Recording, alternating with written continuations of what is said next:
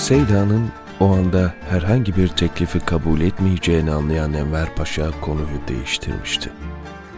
Eski hatıralardan bahisler açtı. Ordunun ve devletin durumundan bahsetti. Savaşta yaklaşık 1 milyon 400 bin şehit ve yaralı verilmiş, 10 milyar altın franklık maddi kayıp olmuştu.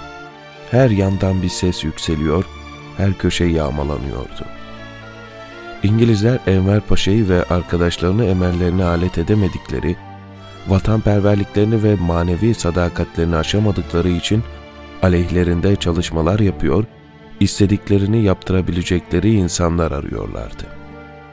Bir süre memleket ahvalini resmeden paşa, daha sonra Seyda'ya esaret yıllarını, Kosurma'daki hayatını sordu. Onu konuşturmak istiyor, merak ediyordu. Seyda Paşa ile hatıralarını ve düşüncelerini paylaştı. Söz bir ara Seyda'nın Kafkas cephesindeyken yazdığı İşaretül İcaz isimli tefsirine geldi. Enver Paşa içeriğini sordu. Ona göre Seyda'nın anlattığı, kaleme aldığı her eser herkese her zaman lazımdı.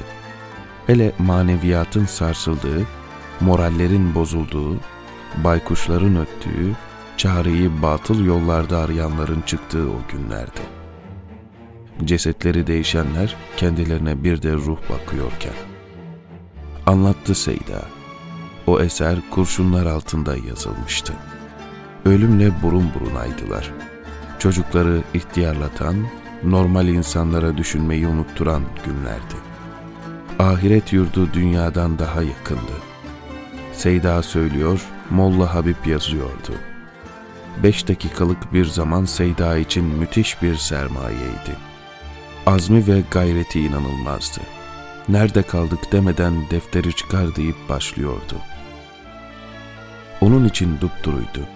Onun için Kur'an'ın tam bir tefsiri olmuş, belki de Kur'an'a en çok benzeyen tefsir yazılmıştı.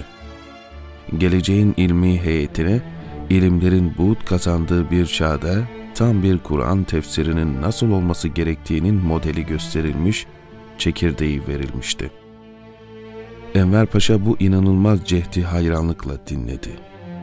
Seyda öyle bir zeminde ve zamanda da Kur'an için çırpınmış, böyle bir kitabın yazılabileceğine, böyle bir kitabın yazılabileceğine okusam inanmazdım denilecek bir eser vermişti. Bu da ayrı bir dersti.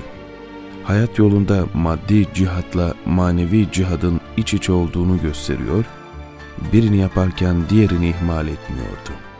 Düşmanla vatan için göğüs göğüse savaşırken, fitneye karşı da ilim ve ibadetle savaşıyordu. Seyda eserini neşretmeyi düşünüyor, bunun için hazırlıklar yapıyordu. Enver Paşa hem dine hem Seyda'ya hizmet için bunu bir fırsat olarak gördü. Hocam dedi, benim de hizmetim olsun. Bu kıymetli eserinizi müsaade ederseniz ben bastırayım.''